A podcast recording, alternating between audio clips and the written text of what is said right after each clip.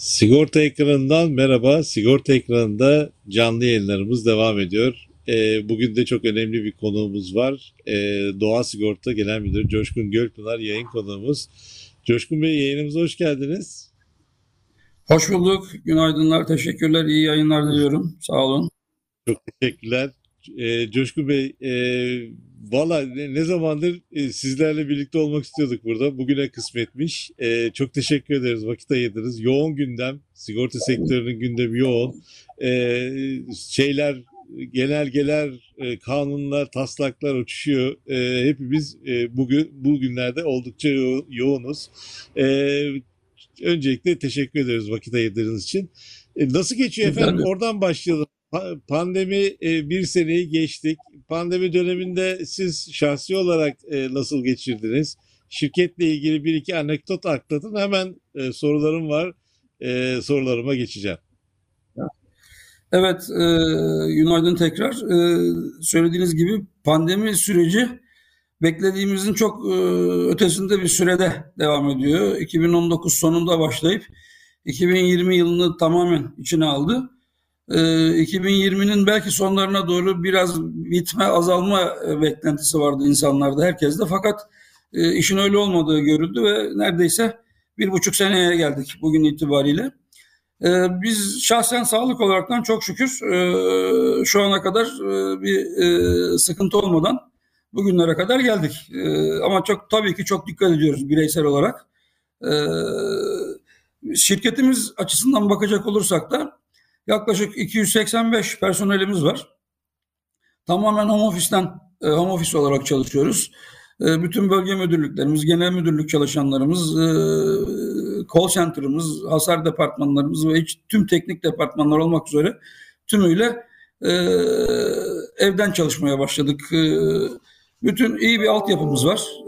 Tüm toplantılarımızı sanki şirketteymişçesine sürdürecek şekilde e, oluşturmuş olan bilgi teknolojileri departmanımızın büyük katkısıyla gayet iyi bir e, teknolojik gelişmelere ayak uydurarak gayet iyi bir altyapıyla şu anda bütün faaliyetlerimizi sürdürüyoruz. Tüm acentelerimize e, olabildiğince en iyi hizmeti vermeye çalışıyoruz. Tabii ki pandeminin başladığı sürede e, biz de bilemiyorduk. E, normal şartlar altında evden çalışma e, işinin nasıl gelişeceğini, o, o günlerde konuşulan kısmi evden çalışma isteyen personelin nasıl buna ayak uyduracağını düşünürken şu anda hepimiz birden buna bir sene içerisinde geldik ve çok e, birçok alışkanlıkları da çok değiştirdi. Ve bundan sonraki süreçte de belki pandeminin bitmesinden sonra da bazı süreçlerimizi büyük ölçüde bu şekilde devam ettireceğimizi tahmin ediyoruz. Dönem dönem şirkete gidiyoruz tabii ki. E, haftada bir veya iki kere ben şahsen şirkete gidiyorum. E, benle birlikte yönetici arkadaşlarımız da geliyor. Genel değerlendirmelerimizi yapıyoruz. Şirketle ilgili gere- gerekli imzalarımızı atıyoruz. E, ve e, tüm süreci gözden geçiriyoruz. Bu arada tabii ki zaman zaman şirkete de gelen arkadaşlarımız var. Personelden de gelenler oluyor. Mesela çok yakın geçmişte enteresan bir e, olayla karşılaştım. E, bir personelimiz bundan yaklaşık 3 hafta kadar evvel şirkette karşılaştığımda tam bir yıldır dedi şi- şirkete ilk defa giriyorum dedi. Tam bir, bir seneden beri. Yani bir seneden beri şirkete girmek nasıl e, geliyor dedim. Çok özledim dedi şirketi dedi ve yani e, evden çalışmanın ilk başta cazip gibi olmasına rağmen gerçekten tüm personel üzerinde bir an evvel bitse işimize şirkette masamıza dönsek şeklinde herkeste böyle bir beklenti de var yani. İnşallah her şey e, en kısa zamanda eskiye ve yeni normale döner diye bekliyoruz.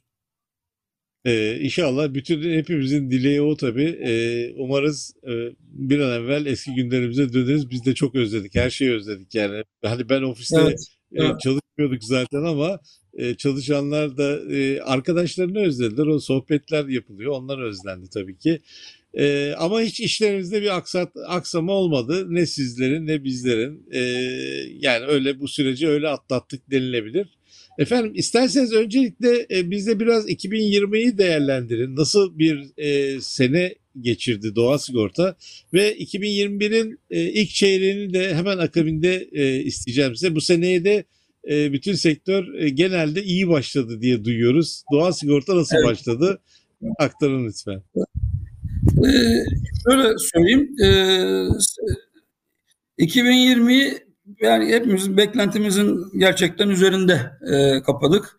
E, doğa sigorta olarak e, 2020 senesinde e, toplam büyüme itibariyle %17'lik e, bir büyüme elde ettik 2020 sonu itibariyle.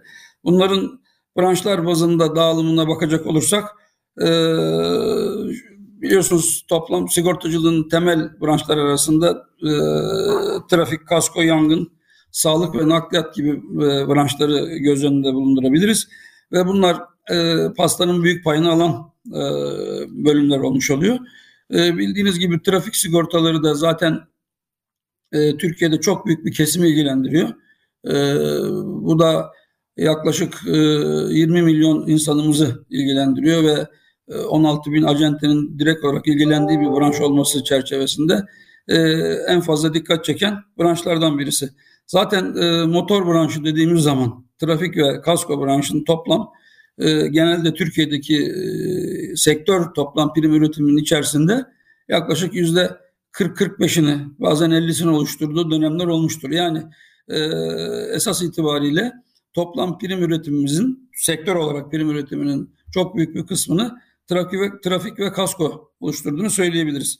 Bu çerçevede baktığımızda 2020 senesinde e, biz e, doğal sigorta olarak trafik branşında yüzde 8 ila 9'luk bir büyümeyle kapadık. Kasko branşında yaklaşık 17,5-18'lik bir e, büyümemiz söz konusu oldu.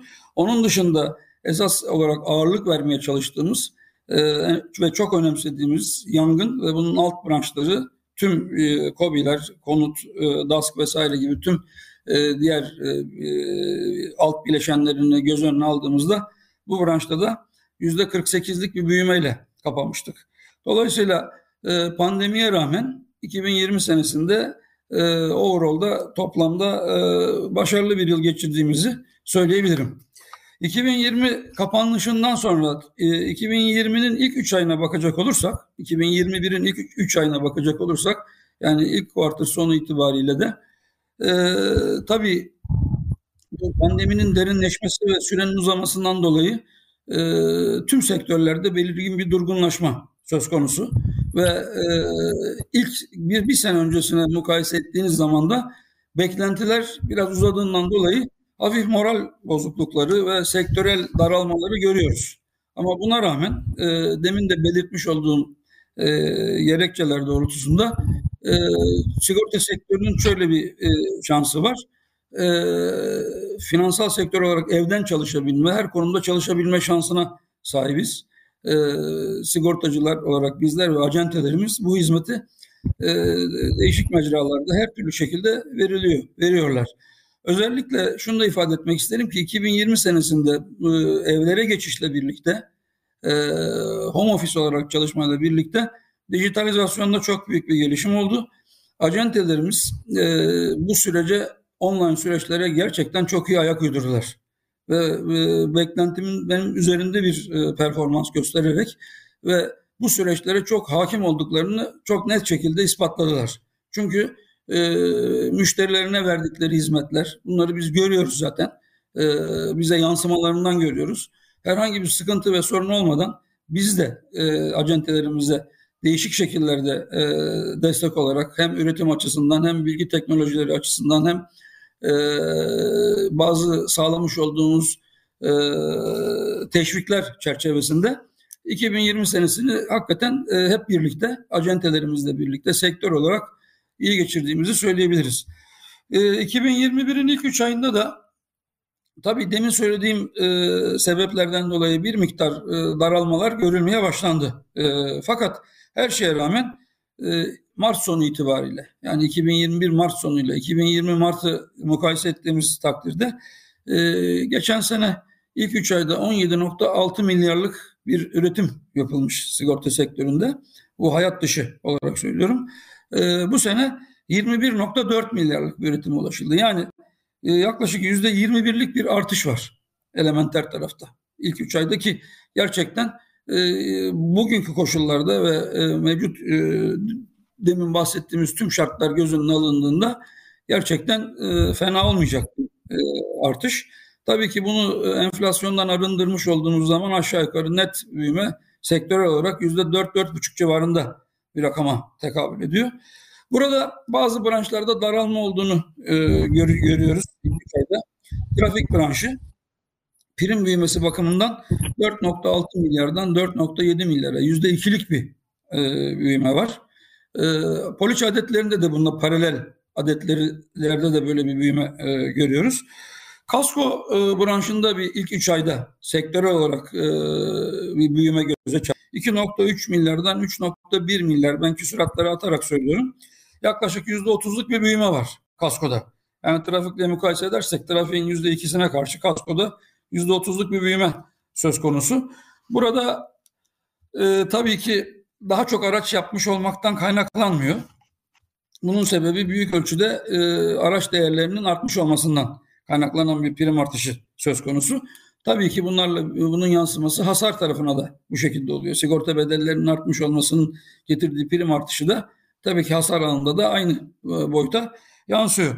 Yangın branşına bakacak olursak e, burada da e, yani fena olmayan bir ilk üç ayda sektör büyümesi söz konusu. 2,5 milyarlık bir üretimden 3,2 milyarlık bir üretime yaklaşık %28'lik bir büyüme söz konusu olmuş durumda.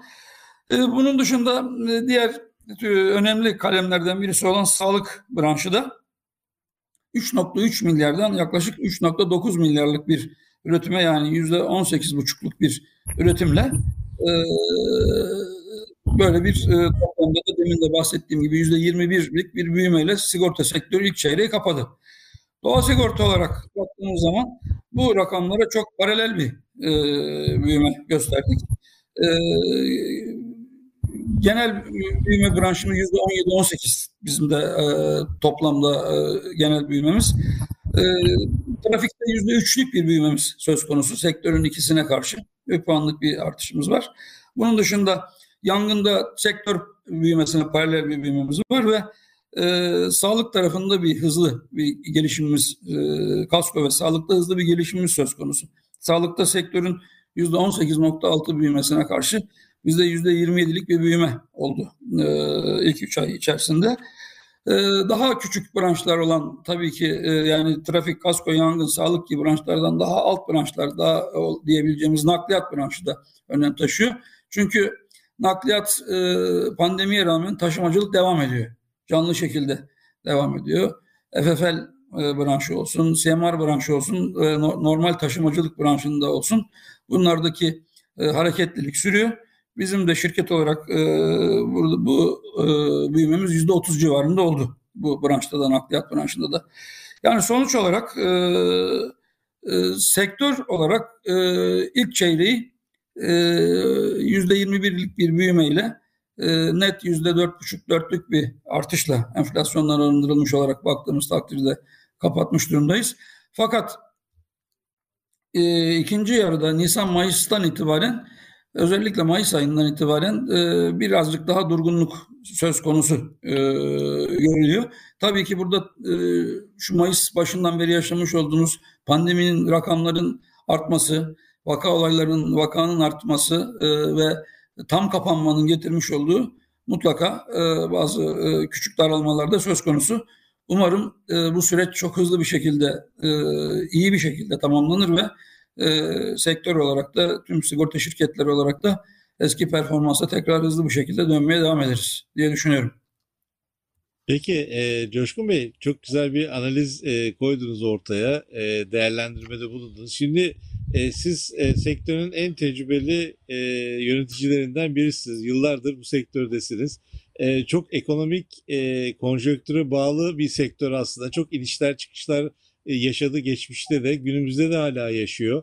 Yani bu e, günümüzü e, değerlendirirseniz sigorta sektörü gerçekten bunlara bir bağışıklık kazandığı gibi mi e, algılanmalı? E, bu yani mesela siz söylüyorsunuz e, yangında e, ciddi bir e, büyüme var doğa sigortada ki yıllardır hani hep böyle trafik e, ağırlıklı bir şirket gibi görünürken şu anda e, trafikteki pay makul düzeylerde ama yangındaki pay artmış durumda. Yani siz bu e, ama yangının e, poliçelerin arttırılması gereken de e, çok da bir e, konjonktürde bir değişiklik de yok. Bunları genel anlamda şu kısaca bir e, yorumlar mısınız lütfen? Evet, e, biz doğa sigorta olarak tabii ki demin de söylediğim e, çerçevede e, motor sigortaları yani trafik ve kasko sigortaları e, aslında tüm sektörün e, ana taşıyıcısı. Yani demin söylediğim gibi toplam e, genel toplam prim üretiminin yüzde 40 ve üstünü oluşturan rakamlar bunlar trafik ve kasko. Yani yüzde 40-45'in oluşturduğu bir şeyden uzaklaşamazsınız ve de bizim ana branşlarımızdan birisi sonuç olarak. Fakat bunu e, en iyi şekilde ve en doğru şekilde icra etmeye çalışıyoruz. Trafik ve kasko branşını, branşını dengeli bir şekilde gitmeye çalışıyoruz. E, zaten e, ana amacımız da genel portföy yapımız içerisinde bir balans yakalamak, bir denge sağlamak. E, yangındaki e, konularda aslında e, her dönemde dediğiniz gibi e, sigortaya ilgi belli bir şekilde var. Özellikle e, kriz dönemlerinde bireysellerde bir miktar azalma olur. Şu anda da öyle. Yani trafik sigortasının bireysel, trafik zorunlu bir sigorta gerçi ama kaskoda mesela bireyseller bireysel sigortalarda krizin uzadığı ekonomik krizde yansımasıyla birlikte krizin uzama sürecine bağlı olarak poliçe iptalleri ve poliçe yenilememeleri olabiliyor. Ama yangın tarafına bakacak olursak yangındaki konular e, bir konut ağırlıklı e, poliçeleri söz konusu. İki COBİ'ler e, söz konusu. Orta ve biraz orta ölçeğin üzerindeki COBİ'ler ve kurumsal ve büyük işletmeler, endüstriyel yapılar sigortaları e, yapılmakta. Bir defa endüstriyel yapılar, büyük tesisler, büyük grup, gruplar her ne olursa olsun mutlaka sigortalarını bir şekilde yaptırmaya her e, halükarda yaptırmaya devam ediyorlar. Çünkü büyük riskler taşıyorlar. E, sigortasız kalması söz konusu değil. Bu kadar yıllar yılı emek verilerekten büyütülmüş, geliştirilmiş e, tesisler, kurumlar. Bunların bir şekilde mutlaka e, e, her türlü riske karşı yangın, yangının alt teminatlı, alt branşları olan e, işte e, deprem, e, infilak, yıldırım, sel, dahili su, hırsızlık vesaire her türlü terör te- teminatına karşı her dönemde be- belli işletmelerin bu teminatları almaları, hele özellikle ekonomik kriz dönemlerinde almaları çok daha faydalı oluyor. Bunlar bir şekilde devam ediyor. Bilinçli olan e, e, KOBİ ölçeğindeki e, işletmelerin de belli bir e, bilince sahip olanlar onlar da mutlaka almaya devam ediyorlar. Dolayısıyla e, sigorta bedellerinin tabii ki e, artışıyla da birlikte e, enflasyon oranında artışıyla birlikte ve e, sizin de sigorta şirketi olarak bizim en büyük dağıtım kanalımız ve en, en önemsediğimiz kanalımız acentelerimiz. En fazla en iyi hizmet vermek istediğimiz kanalımız acentelerimiz. Acentelerimize e, e, tutarlı, kararlı, daima onların yanlarında olduğunu hissettiren ve hızlı servis vermeniz durumunda e, ve e, hasar anında da her türlü gerekli ilgiyi hızlı gösterdiğiniz takdirde bir şekilde size de bir talep oluşuyor. Dolayısıyla e, bizdeki yangın sigortalarının yani genel ve bizde yansıması da bu şekilde doğa sigortaya e, yansıması bu şekilde oluyor. Yani e, kararlı bir şirketiz. E, dengeli olmaya çalışıyoruz. Sözümüzün daima arkasındayız. Acentelerimize en iyi desteği vermek azmindeyiz. Ve en, en hızlı e, servisi vererek daima onları dinlemeye çalışıyoruz. Bir takım bunlar işin yönetsel kısımları. Yönetsel kısımlarla artı e, Türkiye'nin şu anda içinde bulunduğumuz demin bahsettiğim gerçeklerini birleştirdiğimiz zaman belli bir portföy dengesine bir de çok çabalamanız ve çok çalışmamız gerekiyor ve çok çalışıyoruz şirket olarak, tüm arkadaşlarımız olarak. Çalışmadan hiçbir şey olmuyor. Çok çaba sarf ederek belli bir dengeyi oluşturmaya çalıştık ve bunda da başarılı olduğumuzu düşünüyorum oranlar olarak yani. Peki e, bu konuyu kapatacağım. E, daha değişik konu başlıklarımız var. Hemen o sorularıma geçeceğim ama burada biraz evvel de biraz üstünden e, kısaca değinerek geçtiniz. Aslında burada bir sektörde büyüme var fakat e, bu daha e, yeni sigortalılara ulaşmış değiliz bu büyümelerde. Normal e, fiyat olarak bir artıştan kaynaklanan bir büyüme gözüküyor sektörde. E, penetrasyonun, e, yeni sigortalıların veya poliçe adedinin artması konusunda e, kime ne görev düşüyor? Efendim bunu sağlamak asıl en önemli kısmı değil mi işin bundan sonrası için sektör açısından?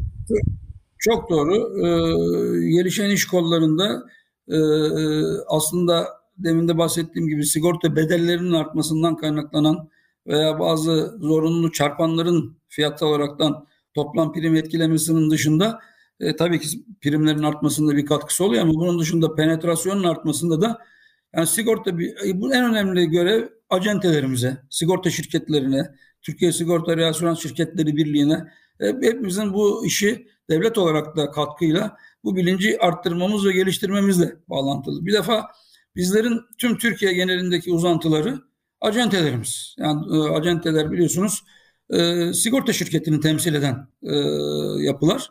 E, acentelerimizin çok iyi eğitim alması, acentelerimizin almış oldukları eğitimle Türkiye'nin her yerinde sigorta bilincini e, etkin şekilde e, yaygınlaştırma yönünde önemli görevler düşüyor.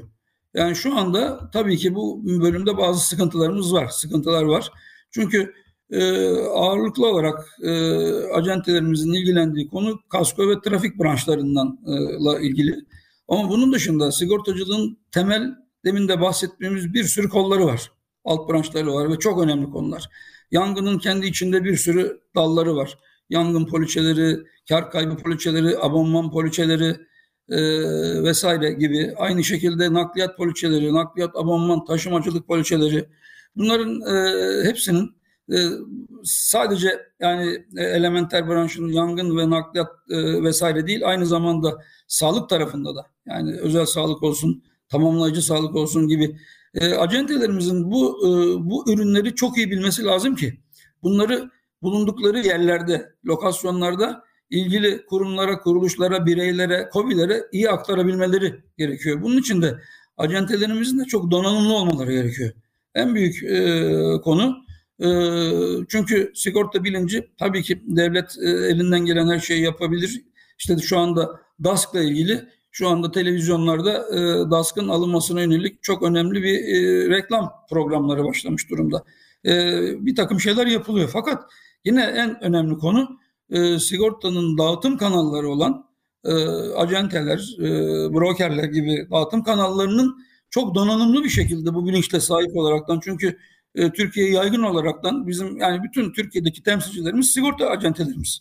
Acentelerimizin bu bilgiye, bu e, olguya sahip olarak e, çok iyi anlatmaları lazım. Sadece trafik ve kasko ile değil, aynı zamanda diğer alt branşları öğrenmeleri, çok iyi anlatmaları ve bu işi yaygınlaştırmada önemli bir rol oynayacakları inancındayım bu çerçevede acentelerimizin de.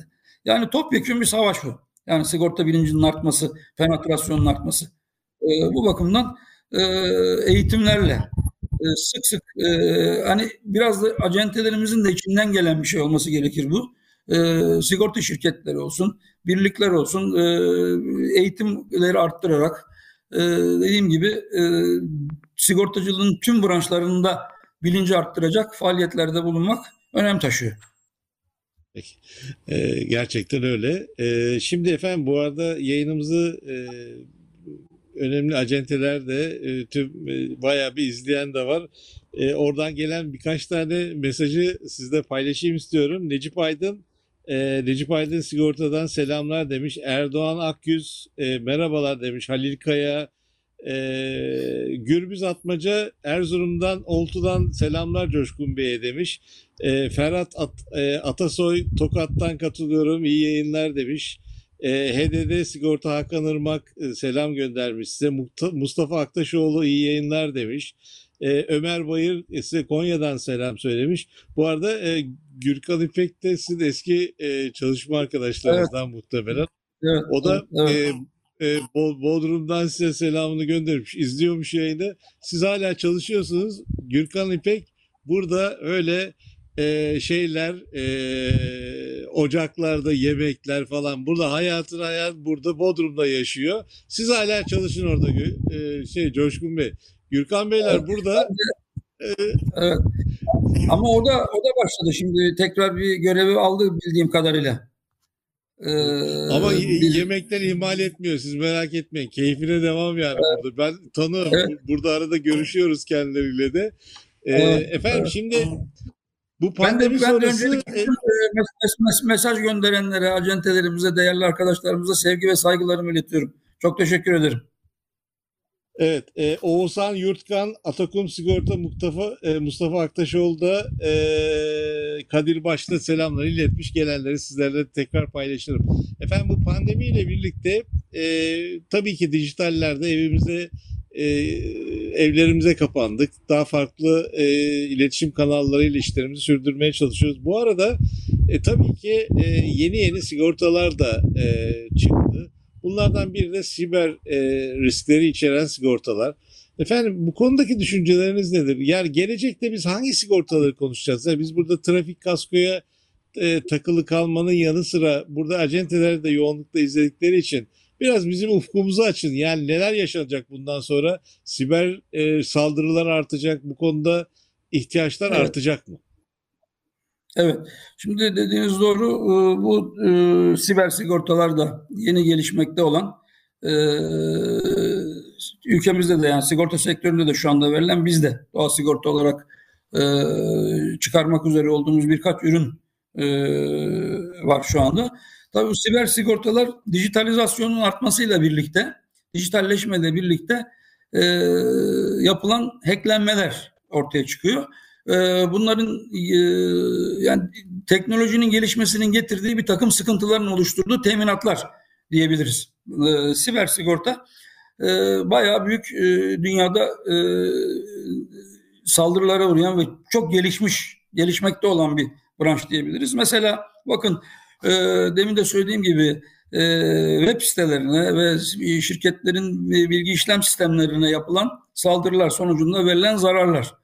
Bu zararlarla ilgili bir takım açıklamalar yapacağım şimdi birazdan ama e, bununla ilgili birkaç şey söylemek isterim. Dünya Ekonomik Forumu'nun e, global risk değerlendirme raporundan alınan en son e, bilgiler çerçevesinde bu iş o kadar arttı ki siber saldırılar, siber ataklar, hacklenmeler. Yani dünyada her 39 saniyede bir siber saldırı olduğu söyleniyor. Bunların %95'i bireyseller ve COBİ'lere oluyor. Ve bu COBİ'lerin içerisinde de e, bu 95'lik rakamın içinde de %43'ü COBİ'lere saldırı yapılıyor. Siber saldırı olarak. 2015 yılında aşağı yukarı 3 trilyon dolarlık bir siber e, suç maliyeti, maliyeti var. 2015 senesi sonu itibariyle 3 trilyon dolarlık bir siber saldırı suç e, maliyeti var. Bunu Dünya Ekonomik Forumu'nun yayınlamış olduğu e, global risk raporunda e, görüyoruz. Ve bunun 2021 sonu itibariyle de 6 trilyon dolara ulaşması bekleniyor bu siber suçların maliyetleriyle maliyetinin. Dolayısıyla böyle bir e, riskli bir durumda e, teknolojinin gelişmesiyle birlikte karşı teknoloji de gelişiyor ve bu tip ataklar hemen oluşmaya başlıyor. Bunların başında da e, bireysel alınan siber risk poliçeleri ama esas itibariyle kurumsal ve e, ticari siber riskler var. Esas bunlar çok büyük zarar verebiliyor işletmelere, e, kurumsallara ve orta ve orta üstü ölçekli işlere, şirketlere onlar zarar verebiliyor. Bunlarla da ilgili e, tabii ki poliçeler gelişti. E, bunların e, kapsamlarını şöyle açıklayabiliriz. E, bir siber saldırı sonucunda oluşabilecek olan hasarlar nelerdir? Bunlara bakarak bakılaraktan e, oluşturulmuş teminatlar bunlar. Demin de belirttiğim gibi e, bireyseller de tabii ki atak altında ama esas itibariyle e, kurumsallarda çok büyük hasar verilebiliyor. Bunlar işte iş durmasından kaynaklanan e, hasarları karşılayan bir bölümü var. İş durmasında yani e, siber atak yapılıyor. Sizin sistemleriniz çöküyor. Bundan dolayı bir vurgunluk yani iş durması e, sürecine giriyorsunuz. Bununla da ilgili e, bir işte teminatın içerisinde bir bölüm var. E, te, poliçede belirtilmiş olan limit çerçevesinde bir rakam burada teminat limiti olarak karşılayabiliyor. İkincisi veri koruma e, hasarları. Bu da bilgisayar programları ve müşteri bilgileri dahil olmak üzere yapılan atak sonucunda e, bu bilgilerin e, kaybolması çerçevesinde yine e, poliçede belirtilmiş olan limitler çerçevesinde daha önceden bunların hepsi konuşularak şirketlerle, kurumlarla, kurumsallarla konuşularaktan tespit edilmiş olan bedeller oluyor. Bu çerçevede ikinci bir e, içerik olarak poliçenin içeriği olarak e, bulunuyor.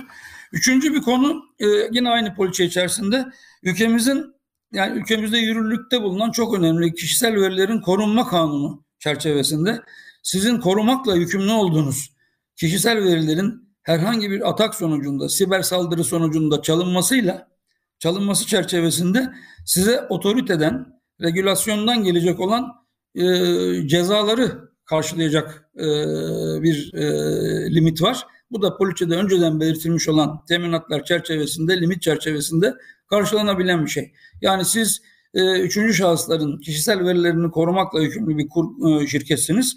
Size buradan bir e, dijital e, veya bir siber atak sonucunda bunları kaptırıyorsunuz veya kaybettiğiniz anda tabii ki kişisel verilerin korunması kanunu çerçevesinde kurumdan gelecek olan cezaların daha önceden tespit edilmiş olan limitler çerçevesinde bu cezanın ödenmesi konusu var.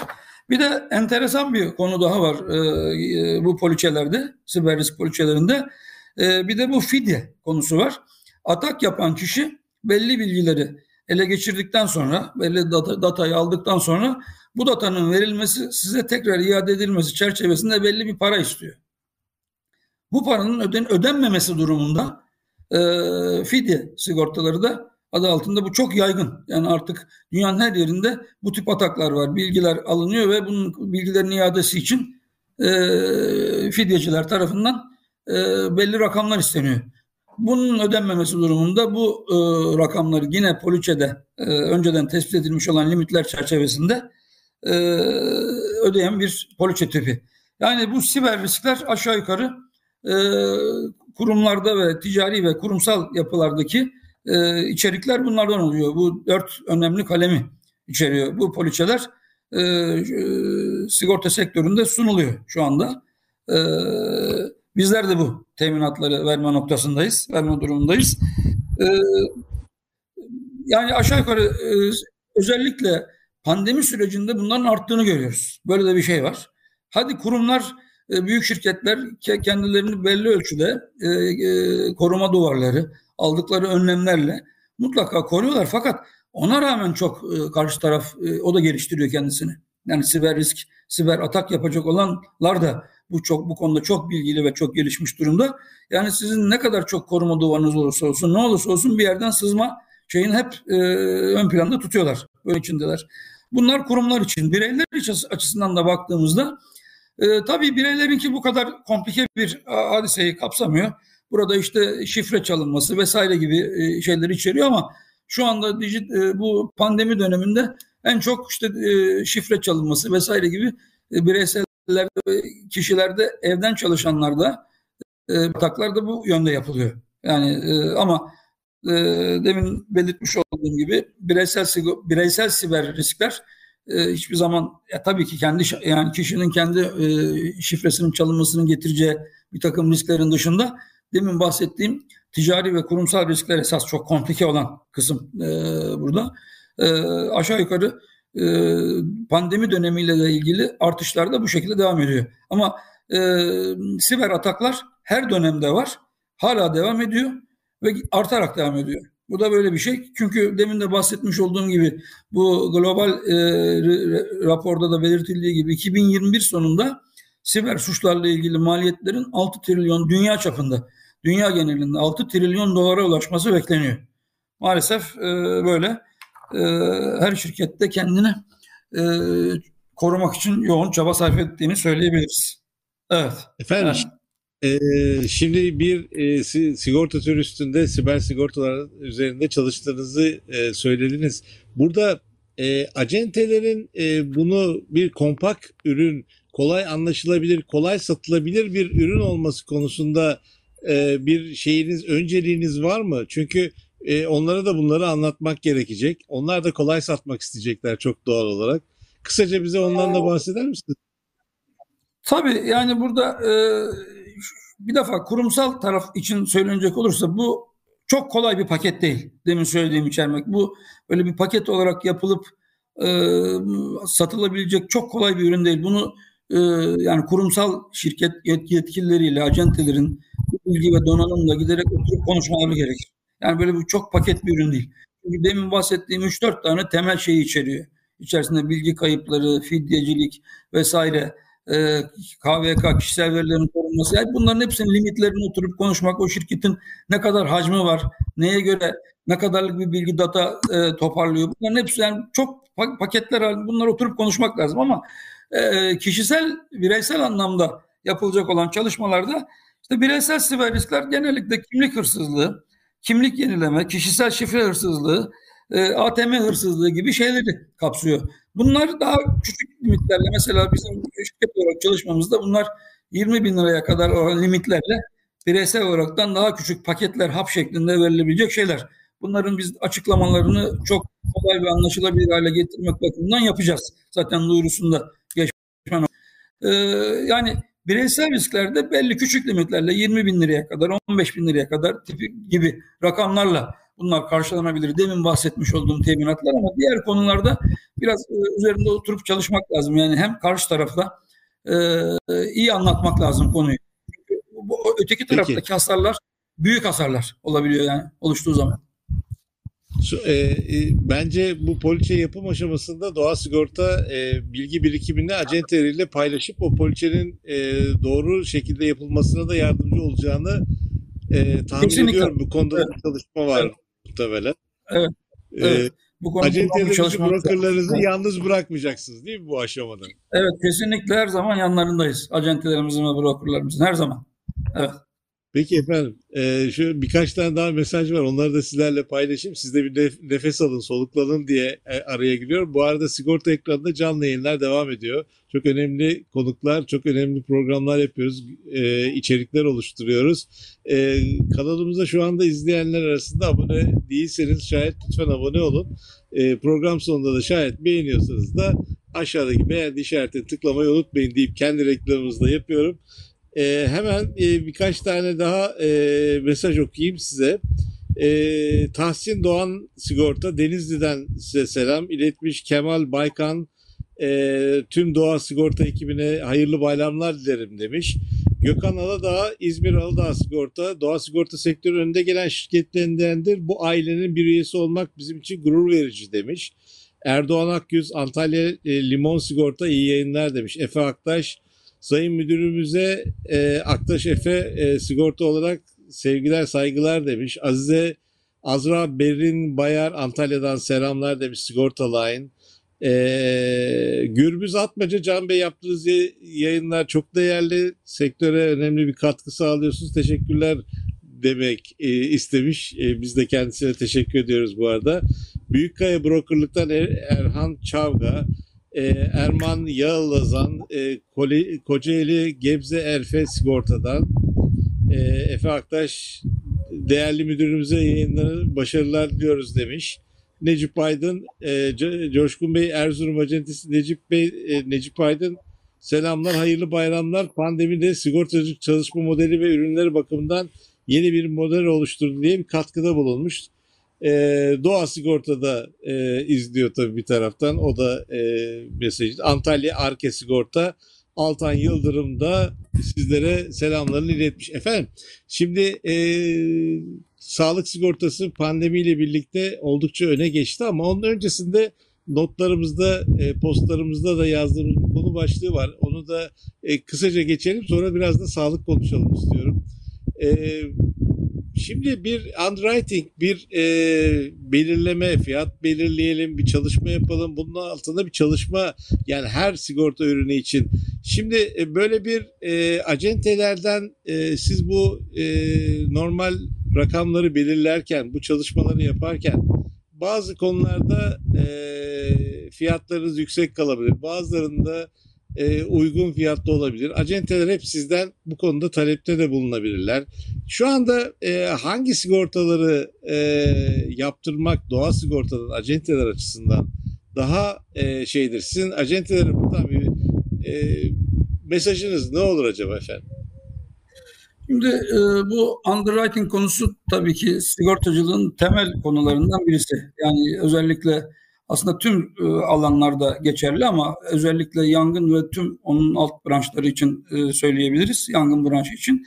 Şimdi underwriter e, riski şirketlerde kabul eden, riski sınıflandıran, riskin fiyatlandıran ve riskin incelemesini yaparak yapılıp yapılmayacağına karar veren kişidir. Underwriter. Bunu işleme de underwriting deniyor aslında yapılan. Bu çok önemli bir süreç. Bu ben uzun zamandır sektörün içerisindeyim. Ee, bugünle geçmişe yönelik bakıldığında underwriting felsefesinde bazı ben zayıflıklar görüyorum sektörel anlamda söyleyeyim. Çünkü e, genel olaraktan bir riskin değerlendirilmesinde en önemli nokta e, birkaç şeye bağlıdır. Bir riskin önce bir kokusunu almak lazım. Bir koku hissetmesi gerekir. Bir risk raporu mutlaka oluşturulması lazım. Bir riskin değerlendirilmesi, analizinin yapıldığı bir rapor. Bu raporla birlikte şirketlerin e, geçerli risk kabul politikaları vardır. Risk şirket her şirketin kendine has kuralları vardır. Bu kuralları önüne koyarsınız. Bunların hepsine birden bakaraktan bir risk analizi yaparsınız. Bu risk analizi yani risk raporu da genellikle çok uzun yıllardan beri 1990'lı yılların başından beri risk mühendisliği departmanlığı adı altında bir bölümler gelişmiştir. Her şirkette vardır, bizde de vardır risk mühendisi arkadaşlarımız. Onlar e, belirgin boyutlardaki, belirgin iş kollarındaki riskleri sigortalamadan evvel gidip görürler. Bir risk raporu hazırlarlar. Bunun ne kadar iyi olduğu e, çok önem taşır. Yani orada riskin e, kendi doğasının yapısı, riskin e, doğasından gelen iş kollarının getirdiği riskler, alınan önlemler, e, fiziki mesafeler vesaire gibi tüm değerlendirmelerin yapıldığı bir risk metriği şeklindedir bu. Yani bir puanlama, bir risk metriğine dökülmüş bir e, rapor şeklindedir risk e, raporu. Bu risk raporu e, risk mühendisliği tarafından hazırlanır gelir. Bunun üzerinden şirket underwriter'ı bu raporu önüne alır okur ve şirketin her şirketin e, elinde bulunmuş olan e, riziko kabul politikasıyla bağdaşıp bağdaşmadığına bakar ve bunlara göre bir riskle ilgili bir sınıflandırma ve bir fiyatlandırma yapar. Burada şimdi bizim genel olarak son dönemlerde underwriter, underwriter'ın e, under, un, iyi bir underwriter olmasını gerektiren bazı özellikler ortadan kalktığını görüyorum. Çünkü artık birazcık e, robotikleşmiş durumda. Yani risk raporu geliyor. Risk raporunun e, içindeki maddeleri okuyor. Risk raporunun sonucuna bakıyor. Kendi şirketinin şirketin iş e, kabul politikasına bakıyor. Evet veya hayır diyor. Bu iş yapılır veya yapılmaz diyor. Aslında burada en önemli nokta underwriter'ın bu iki raporu aldıktan sonra üçüncü bir konu var. Esas bu ikisini gördükten sonra kendi deneyimiyle, birikimiyle, koku alma özelliğiyle underwriter zaten odur. Yoksa kuralları aldığı gibi üzerine oku, okuyup uygulayan kişi değildir. Ee, kendi geçmişinin birikimiyle, koku alma özelliğiyle demin de söylediğim gibi bunları birleştirip farklı bir sonuca varabilen, bunların dışında da bazı şeylere dikkat edebilen, işte tesisin yapısı, tesisin sahipleri, moralitesi bu tip şeyleri de önemsendiği bir en önemli nokta budur. Yani iç his dene, denebilir buna. Yani underwriter'ın kendi iç hissi. Yani bunu yaparken. Yani e, bazen risk raporu da kötü çıkabilir. Şirket kurallarını da uymayabilir. Ama kendi hisleri yani tesisin bugüne kadarki sahiplerinin yapısı, bugüne kadarki geçirdiği evreler, e, gördükleri, geçirdikleri bütün bunlara bakarak, moralite hepsine bakarak o riski yapma kararı verebilir. Esas underwriting de budur zaten esas itibariyle. Normal şartlarda yoksa şu anda yani benim bulunduğum dönemden itibaren e, bu dünyada da böyledir. E, aslında iyi bir underwriter iyi koku alan bir kişidir. Yani sadece e, yazılı kurallara tabii ki yazılı kurallara bağlı olarak devam edeceksiniz. Tabii ki bunlar değişmez şeyler ama yani underwriting araya katacağı bazı çeşniler vardır. Bazı e, kendine has özellikler vardır. Riski e, önceden görüp o yani yapılamayacak olan riskleri iyi hale getirebilecek önerilerle, bazı görüşlerle ortaya koymak. Bazen de çok temiz olan risklerde çok sıkıntılı noktaları bulmak ve yakalamaktır. Yani şu anda ben de benim gördüğüm kadarıyla bizim sigorta sektöründe en büyük e, eksiklik veya e, olması gereken kısım üçüncü maddede bir e, hafif bir eksiklik var gibi geliyor. Yani risk raporları okey geliyor ama e, şirketlerin risk kabul politikaları işte bununla bu politikalar risk şirketinden yani yapılması yapılmayacak olan işler, yapılması izne tabi olan işler vesaire gibi bunların hepsi bir el kitapçı şeklindedir. Bunlara bakarak yapılır ama bir de dediğim gibi yani underwriter'ın kendinden katması gereken bir şey var. Bu önemli bir konu. Bu kolay yetişmiyor. Bu underwriter'lar uzun yıllar sonra oluşuyor bu koku alma. O bakımdan sigorta şirketlerinin iyi underwriter yetiştirmesi lazım. Benim söyleyeceğim en önemli nokta bu. Dolayısıyla biz de deminki bakış açımızdan, acentelerimizin gelen işlerinden e, öyle kesin olaraktan tüm işleri reddetme ve iş kolunun ismini duyduğunuz zaman yap yapmama şeklinde değil, incelemek, detaylandırmak, yapılabilir hale getirecek şartları sunmaya çalışmak istiyoruz. Acentelerimize ve acentelerimizin müşterilerine. Genel olarak riske bakış açımız bu. Bu şekilde yani. Şimdi e, aslında Coşkun Bey çok önemli bir konuya değindiniz. E, bütün sektörde artık e, yapay zeka uygulamalarının yaygınlaştığı bir dönemde e, sizin söylediklerinizden şunu anlıyorum ben. E, yapay zeka dediğiniz bu e, bilgisayar programları sonuçta koku almıyor efendim. Yani sonuç burada yani... biraz da koku alması gerekiyor.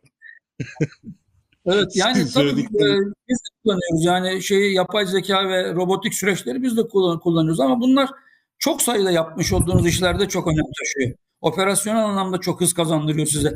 Yani bir trafik sigortasında milyonlarca poliçeniz var. Bunların içerisindeki tabii ki bazı şeyleri yapay zeka ve robotlara yaptırmanız bazı şey ama benim söylediğim şey underwriting, yangın underwriting'i bambaşka bir şey.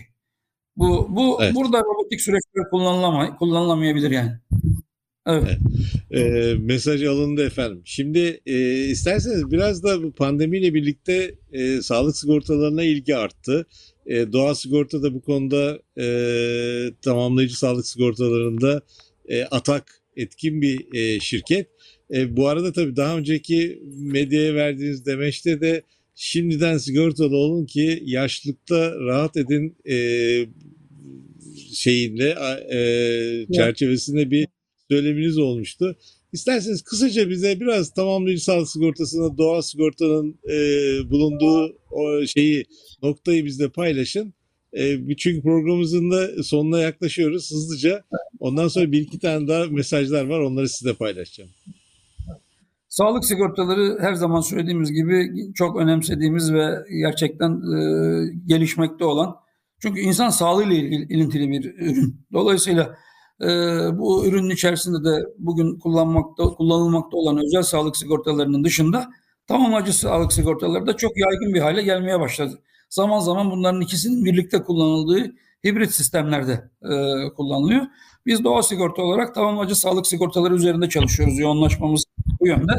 Bildiğiniz gibi tamamlayıcı sağlık sigortaları e, SGK kurumuyla sigorta şirketlerinden yapmış olduğu, e, e, anlaşmış olduğu özel hastaneler arasında SGK'lı olan kişilerin SGK'nın üzerindeki farkı e, sigortalıya hissettirmeden e, çok küçük bir ücretle ya da e, tam aradaki farkı tamamlayan bir sigorta ürünü e, olarak geçiyor.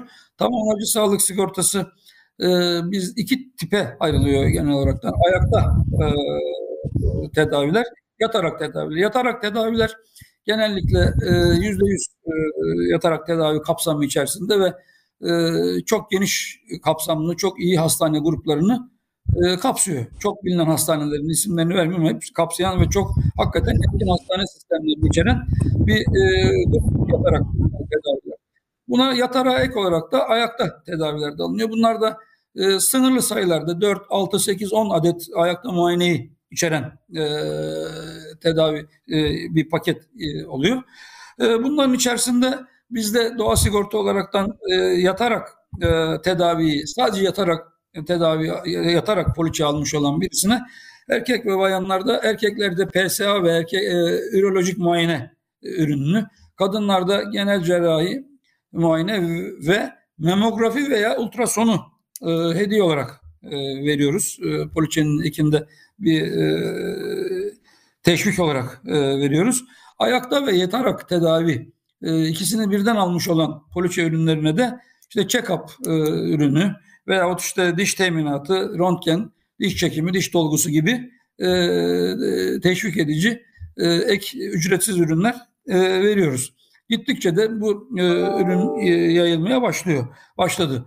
E, tamamlayıcı sağlık sigortalarında e, tüm sağlık sigortalarında geçerli olan bir konuda e, daha evvel de belirtmiş olduğum gibi sağlık sigortalarına en doğru olan şey genç yaşlarda sisteme girmektir. Yani çok yaşlandıktan sonra zaten e, aktüel olarak bir e, bu bütün hepsinde yani hayat sigortalarında da sağlık sigortalarında da yaş faktörü çok önemlidir.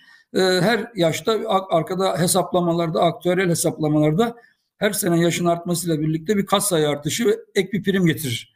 Dolayısıyla ileriki yaşlarda zaten e, artık e, hasarlanma insan doğal olarak yani beden yorulduğundan dolayı birçok hastalığa maruz kalma riskiniz artıyor. E, ileriki yaşlarda zaten belli bir yaştan sonra da e, sisteme girmek mümkün değil. Ama o yaşlara yakın geç yaşlarda girdiğiniz zaman da hem çok yüksek prim ödüyorsunuz. Şirket çok zor alıyor sizi. Alırken e, çok detaylı şekilde bakıyor. Çoğu zaman kabul etmiyor belli hastalıkları gördüğü zaman ve çok yüksek maliyetlerle siz bu işe girmiş oluyorsunuz. Ve de hasar vermeye başladığınız zaman da o tarihten sonra da hakikaten bazı sürprimler, ek primler de gelebiliyor. Ama genç yaşlardan itibaren almaya başladık girdiğiniz takdirde genç yaşta daha küçük primlerle bunu ödeyip ileriki dönemlerde hem şirkette kalıcılık sürenizin artması hem ömür boyu yenileme garantisinin alınması vesaire gibi şeylerde zaten sağlık sigortalarındaki amaç budur. Esas temel budur. Havuza genç yaşta e, primi verip ileriki yaşlarda verdiğiniz primi almak şeklinde olması gerekir. Doğru sistem budur. Dolayısıyla benim önerim tüm e, yani e, genç arkadaşlara e, e, genç yaşlardan itibaren 20'li yaşlardan itibaren en, geç yani o tarihle o yaşlardan itibaren sisteme dahil olaraktan küçük küçük primlerle hem sağlık sigortanızı garanti altına alıp hem de e, ömür boyu e, bunun e, güzelliklerinden faydalanmak mümkün e, şeklinde. Doğa sigortada bir ürünün bir, bir farklı bir şekli daha var. E, demin de bahsettim tamamlayıcı sağlık sigortaları çok geniş kapsamlı ve iyi bilinen hastaneleri içermekle birlikte en üst sınıftaki gruplara da tamamlayıcı sağlıktan bizde geçiş şartları A Plus diye bir ürünümüz söz konusu.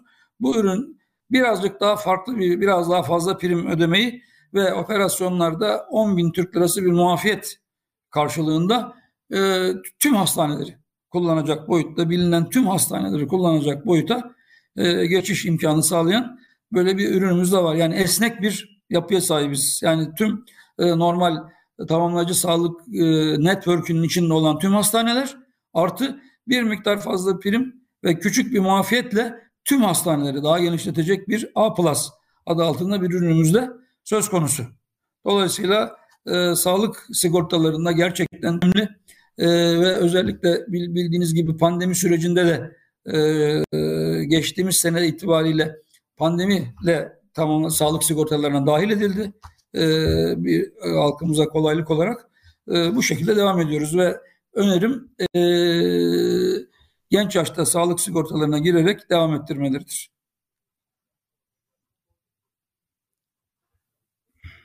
Paylaştığınız Şimdi de e, bir iki tane daha mesajlarımı okuyayım. Ondan sonra da size acentelerinize son e, söylemek istediğiniz mesajlarınızı almak için tekrar size soru soracağım.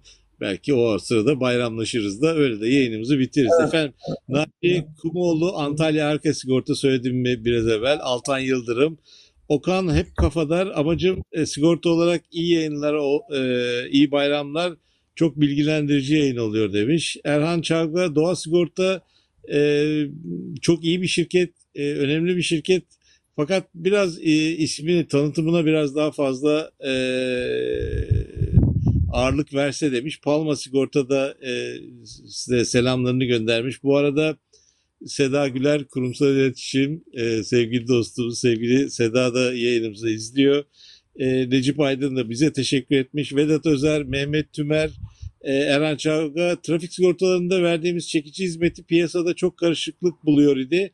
Bunu tekrardan poliçelere eklenmesinin uygun olacağını düşünüyorum deyip hatta trafik poliçesiyle birlikte yapılan konut poliçesinden daha önemli ve karşılığını olduğunu da söyleyebiliriz demiş.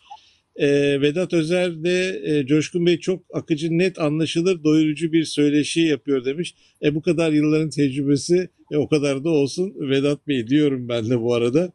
E, Seda Güler e, bizlere tekrar selamlarını iletmiş. Tolga Aslan'la bilgilendirme için teşekkür. Selin Örk de Sivas, e, Sivas Ataş Sigorta selamlarını iletmiş. Efendim şimdi e, önümüz bayram ve sonrasında pandemi önlemleri de e, biraz gevşetileceği beklentisi de var.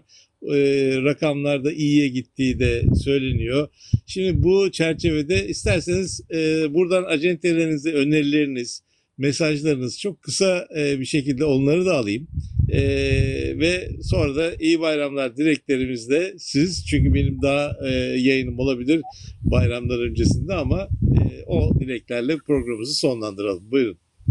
Tüm acentelerimize ve bizi izleyen tüm arkadaşlarımıza çok teşekkür ediyorum. Saygı ve hürmetlerimi iletiyorum. E, acentelerimize e, söyleyeceğim şey, hakikaten demin de söyledim konuşmamın başında, dijitalizasyon süreçleri ve şu pandemi sürecinde çok iyi adapte oldular. Hepsini ayrı ayrı tebrik ediyorum gerçekten.